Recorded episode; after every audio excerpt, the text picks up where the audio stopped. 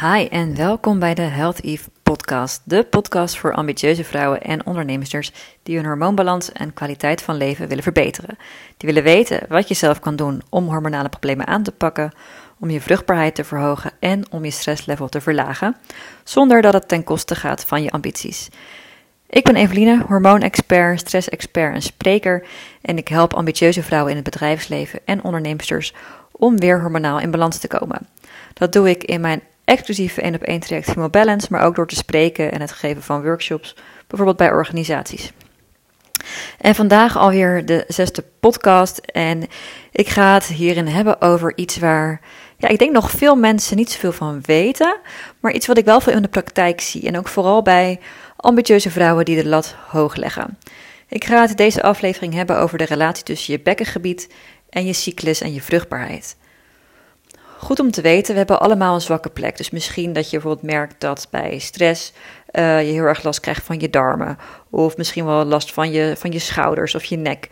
Bij stress slaan we spanning ergens in ons lijf op. Dus het kan inderdaad ook bijvoorbeeld voor hoofdpijn zorgen. In ieder geval kan het klachten veroorzaken. En bij sommige vrouwen is dat dus ook in het bekkengebied. En als dat nog een beetje een vage term voor je is, het bekkengebied, wat bedoel ik daar dan mee? Uh, wat voor spieren moet ik, moet ik me dan bij voorstellen? Nou, denk aan de spieren die je gebruikt om je uh, plas en je poep op te houden. Dus welke klachten kan je dan ervaren als je bijvoorbeeld veel spanning vasthoudt uh, in dit bekkengebied of in deze spieren? Nou, denk aan pijn bij de seks, terugkerende blaasontstekingen, moeite naar het toilet kunnen, ontlasten is pijnlijk, pijn in de onderrug komt heel vaak voor, pijnlijk stuitje, uh, gevoelige vulva en ook kramp in de kaken. Dan denk je misschien, hè, kramp in je kaken. Maar ons bekken en onze kaken zijn gerelateerd aan elkaar. En dus bijvoorbeeld ook als jij s'nachts aan kaakklemmen doet, is de kans groot dat je spanning vasthoudt in je bekken. En als je kijkt naar ja, anatomische tekeningen van een bekkengewricht en een kaakgewricht, ja, deze lijken anatomisch ook enorm op elkaar. Dus uh, dat weten veel mensen niet, maar ik vond het altijd wel interessant. En je hoort dus ook vaak over bekkeninstabiliteit of incontinentie of bekkenklachten, bijvoorbeeld bij zwangerschap of na bevallingen. Maar weet dus dat ook als je nog nooit zwanger bent geweest, je deze klachten kunt ervaren. Zelf had ik bijvoorbeeld al bekkenklachten lang voordat ik moeder werd. Um, iets meer achtergrondinformatie te geven. Ik legde de lat heel hoog voor mezelf. Ik liep heel veel hard. Um, ik had last van mijn stuitje onder andere. En wat bleek nou? Onbewust hield ik heel veel spanning vast in mijn bekkengebied. Continu. Dus je moet het zo zien alsof je eigenlijk dan continu je plas ophoudt, bijvoorbeeld. En wat ik ook dacht, is dat pijn bij de seks normaal was. En dat elke vrouw dat wel eens had. Maar dat is dus helemaal niet zo. En goed om te weten als je dit ook ervaart: seks hoort in principe gewoon geen pijn te doen. Nou, pas later, toen ik me in hormonen en in mijn cyclus ging verdiepen, toen kwam ik erachter dat bekkenklachten ook gelinkt zijn aan je cyclus en aan je vruchtbaarheid. Nou, mocht je mij nog niet zo lang volgen, um, in 2018 is bij mij de hormonale disbalans PCOS geconstateerd. Door voeding en leefstijlaanpassing heb ik daar nu gelukkig helemaal geen last meer van. Is mijn cyclus weer heel regelmatig. Uh, maar wil je hier meer over horen of wil je weten hoe ik dat heb aangepakt? Luister dan zeker aflevering 1 even terug. In mijn geval goed om te weten is dat mijn cyclus destijds helemaal uitbleef. En ik ging naar een goede ortomoleculair therapeut die ook vroeg naar mijn medisch verleden. En daarom vertelde ik haar ook over de bekkenklachten die ik had gehad. Nou, voor die bekkenklachten was ik destijds doorverwezen naar een gynaecoloog en naar een bekkenfysio. En daar bleek dus al vrij snel dat ik veel spanning vasthield in mijn bekkengebied. En de bekkenfysio gaf mij oefeningen mee om mijn bekken beter te kunnen ontspannen. En ook na mijn uh, keizersnede in 2020 ben ik preventief naar een bekkenfysio gegaan, omdat ik er wilde gaan sporten en eigenlijk wilde weten of dat veilig was. En ik zou het sowieso aanraden na een bevalling, of je nou met een keizersnede bent bevallen of natuurlijk. Je wil je bekkenbodem gewoon niet kapot maken door te snel of verkeerd weer te gaan sporten. En gaan sporten is supergoed en ook heel erg belangrijk, maar overbelast niks en weet gewoon zeker dat je het op de juiste manier doet. En daarom kan het heel erg helpen om in dat geval naar een bekkenfysio te gaan. Maar ook als je herkent in de bekkenklachten die ik eerder noemde, aan het begin van deze podcast, kan een bekkenfysio uh, daarbij helpen. Een bekkenfysio kan namelijk meten in hoeverre je spanning vasthoudt in je bekkengebied. En een bekkenfysio kan je ook handvatten geven om hiermee aan de slag te gaan. En ja, ik weet dat alles wat we bespreken over het bekkengebied, dat het natuurlijk wel een intieme zone is en dat het misschien een beetje gek kan voelen om daarvoor naar een uh, professional te gaan. Maar voel je hier niet raar of gegeneerd over, want de bekkenfysio houdt zich hier elke dag mee bezig. Uh, dus voor hem of haar is het eigenlijk heel erg normaal. Dat wilde ik even meegeven over een bekkenfysio. Um, maar goed, ik zat dus bij mijn orthomoleculaire therapeut in 2018. En ik vertelde dus over de bekkenklachten die ik had gehad in het verleden. Inmiddels ging het alweer stukken beter, gelukkig. En zij vertelde mij voor het eerst over de link tussen het bekken en cyclusproblemen of verminderde vruchtbaarheid. Dus dan moet je denken aan bijvoorbeeld een lange of uitblijvende cyclus of moeilijk zwanger kunnen worden. En misschien klinkt het heel vaag voor je, deze link. Uh, maar als je er langer over nadenkt, is het eigenlijk heel logisch. Je wil dat je bekkengebied tussen je baarmoeder, je eierstokken en zo, dat dat zeg maar goed doorbloed is, zodat de energie daar goed kan stromen. En als je nu onbewust dus veel spanning vasthoudt in je bekkengebied, dan kan dat dus de energie en de doorbloeding stagneren. Waardoor het proces, zoals zwanger worden of het goed functioneren van de eierstokken en de baarmoeder, waardoor dit proces tegenwerkt. En als dit nog een beetje vreemd of vaag voor je klinkt, dit stukje over energie en doorbloeding, blijf dan toch even hangen, want ik vertel je straks wat meer over de anatomie hierachter. Nou, nu denk je misschien, oké, maar hoe hou, hoe hou je dan spanning vast in je bekkengebied? Nou, wat ik net zei, het kan dus zijn dat je onbewust je bekkenspier aanspant, dus dezelfde spier als wanneer je je plas ophoudt. Um, maar weet ook dat bijvoorbeeld vaak met je benen over elkaar zitten ook al dit effect kan hebben. En ja, hoe vaak zitten wij niet met ons benen over elkaar? Dus let hier eens op bij jezelf. Zet je voeten eens wat vaker naast elkaar op de grond. Kan trouwens ook enorm veel schelen qua lage rugklachten. Um, dus dat is ook al iets uh, waar je op kan letten, wat ook wel echt een verschil kan maken.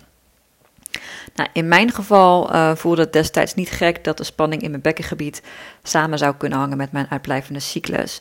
Um, en ik had dan wel veel minder bekkenklachten tegen de tijd dat ik bij die orthomoleculair therapeut liep, maar het zou nog steeds kunnen spelen. En daarom ben ik toen ook naar een osteopaat gegaan. En een osteopaat kijkt meer naar het lichaam als geheel en gaat dus niet altijd te werk op de plek waar er klachten zijn. En dat komt omdat dat niet per se dus de plek hoeft te zijn waar die klachten veroorzaakt worden. Nou, ik kwam dus bij mijn osteopaat in verband met uh, mijn uitblijvende cyclus en mijn kinderwens.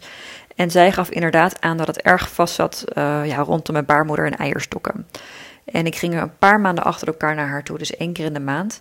En dan ongeveer vier, vijf maanden achter elkaar. En zij zorgde ervoor dat de energie in dit gebied beter kon stromen.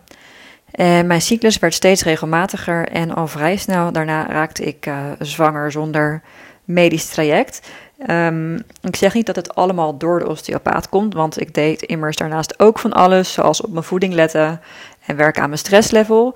Maar voor mijn gevoel heeft het er zeker aan bijgedragen. En ook goed om te weten, um, dus mocht je het verhaal over energie en stromen uh, dus vaag vinden, dan heb ik ook nog wat anatomische info hierover, waarmee je wat meer kunt waarschijnlijk. Want diep in ons bekken zit, een spier en die heet de psoasspier.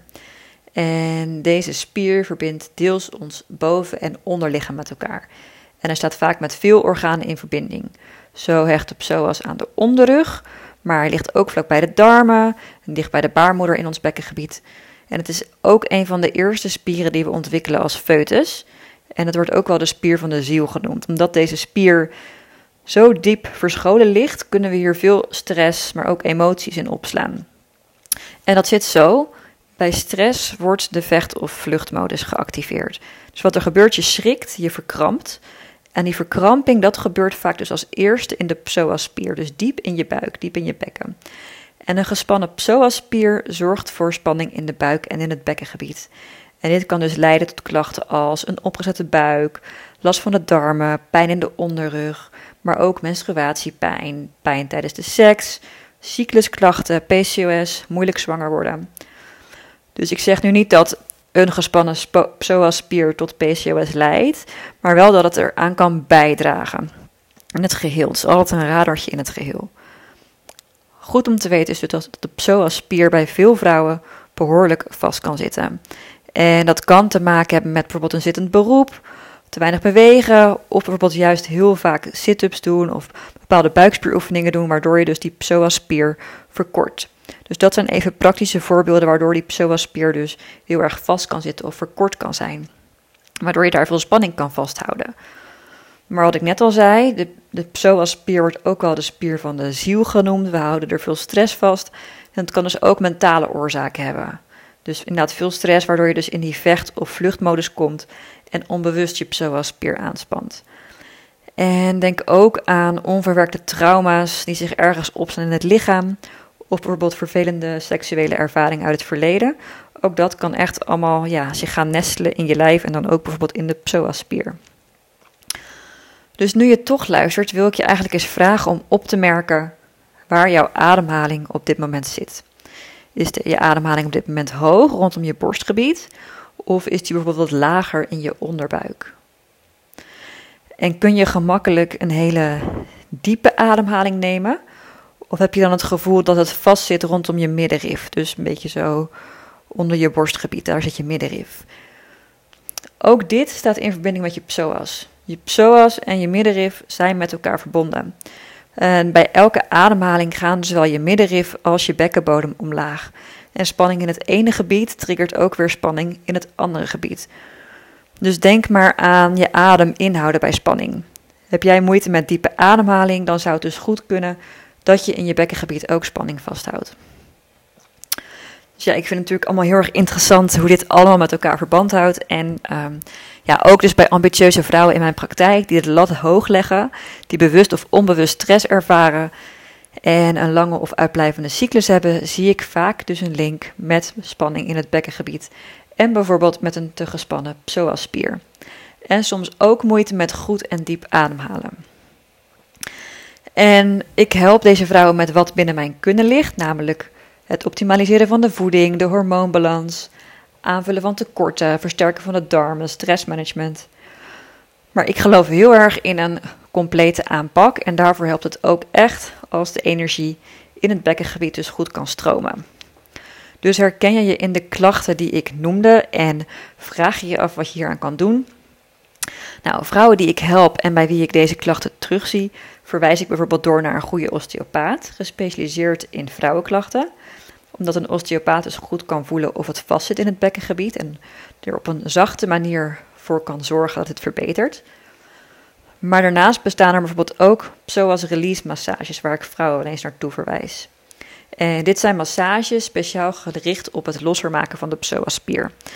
Het is een vrij intense massage, maar wel effectief. En dit kan bijvoorbeeld bij uh, Daya massagetherapie in Leiderdorp. Sommige fysiotherapeuten zijn hierin ook gespecialiseerd, dus daar zou je eens op kunnen zoeken. Maar je kan ook zelf proberen om je psoas-spier wat op te rekken. Bijvoorbeeld met yoga, uh, met heupopeners. Dus zoek bijvoorbeeld eens op YouTube uh, yoga voor psoas op. En er zijn verschillende stretches en zo die je kan doen om je psoas-spier wat losser te maken.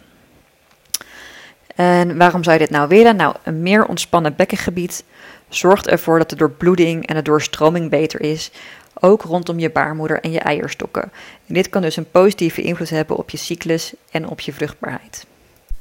Nou, wat ik nog wel wil vertellen, kijk, natuurlijk helpt het als die energie in je bekkengebied meer kan stromen en als je psoaspier minder vastzit. Maar in alle eerlijkheid, dit is natuurlijk wel symptoombestrijding. Want zit jij in een stressvolle periode of heb je een stressvolle baan, dan zit die psoas waarschijnlijk binnen no time weer vast. Um, en als jij altijd met je benen over elkaar zit, dan heb je dat niet in één dag afgeleerd. Dus het is echt al een proces van tijd. Maar wat zou je nog meer kunnen doen? Nou, zoals je misschien wel weet, ik ben zelf op dit moment uh, voor de tweede keer zwanger. En de eerste keer ben ik bevallen middels een geplande keizersnede. En deze keer hoop ik natuurlijk te bevallen. Maar gezien mijn verleden met bekkenklachten en omdat ik weet dat ik van nature nog steeds veel spanning vasthoud in mijn bekkengebied, vind ik dit best spannend. Omdat een ontspannen bekkenbodem immers enorm helpt tijdens een bevalling. Kindje moet er toch doorheen. En door de bekkenfysiotherapie die ik in het verleden heb gehad, heb ik uh, wel geleerd hoe ik deze spier beter kan ontspannen. En gelukkig eigenlijk ook geen bekkenklachten meer. Maar het is niet iets waar ik standaard altijd bij nadenk. En daarom ga ik komende tijd ook aan de slag met een therapievorm dat heet Integral Pelvic Therapy. En dit is een vorm van therapie die er ook op gericht is om je bekkenbodem echt meer te ontspannen. Het is wel meer een holistische benadering, uh, waarbij dus de balans in het bekken wordt hersteld en waardoor dus het zelfherstellend vermogen, vermogen van je lichaam wordt aangezet. En nou ja, resultaten kunnen bijvoorbeeld zijn uh, het vermindering of het verdwijnen van klachten, maar ook het beter aanvoelen van grenzen. En het kan voor zowel mannen als vrouwen geschikt zijn. En het kan in, ingezet worden bij bijvoorbeeld vruchtbaarheidsproblemen, maar ook pijn bij de seks, pijn in de onderrug, verzakkingen, hevige menstruatiepijn, uh, ongewild urineverlies, bekkenpijn, trauma in het bekkengebied, bijvoorbeeld door uh, nare seksuele ervaringen in het verleden. Dus dat is waar het voor kan helpen. En ik moet zelf dus nog ervaren hoe het is. Um, weinig mensen weten van het bestaan ervan. Vandaar dat ik er hier toch over wilde delen. Dus mocht je de klachten die ik noem herkennen en mocht het je aanspreken, dan kun je er zeker eens naar kijken. Het heet dus Integral Pelvic Therapy, dus integrale bekkenbodemtherapie eigenlijk vrij vertaald. Um, maar daarnaast is dus het eigenlijk het allerbelangrijkste voor een ontspannen bekkenbodem stressreductie en ontspanning. Helemaal als vrouw is het bekkengebied gewoon een plek waar we veel spanning opslaan. En bij de ene nestelt zich, dus, nestelt zich dit dus in de rug van de schouders, maar bij de ander dus juist weer in het bekkengebied bijvoorbeeld. En hoewel hier soms nog een taboe op heerst op dit soort klachten, weet dat het echt veel voorkomt en dat je er dus ook veel aan kan doen. Dus ja, we voelen ons soms gegeneerd door deze klachten of vinden het moeilijk om erover te spreken. Eh, maar weet dat er echt mogelijkheden zijn om de klachten te verlichten. En dat je er dus ook echt niet altijd maar mee rond hoeft te blijven lopen. Of je nu wel of niet bevallen bent, dat maakt er soms ook niet eens uit.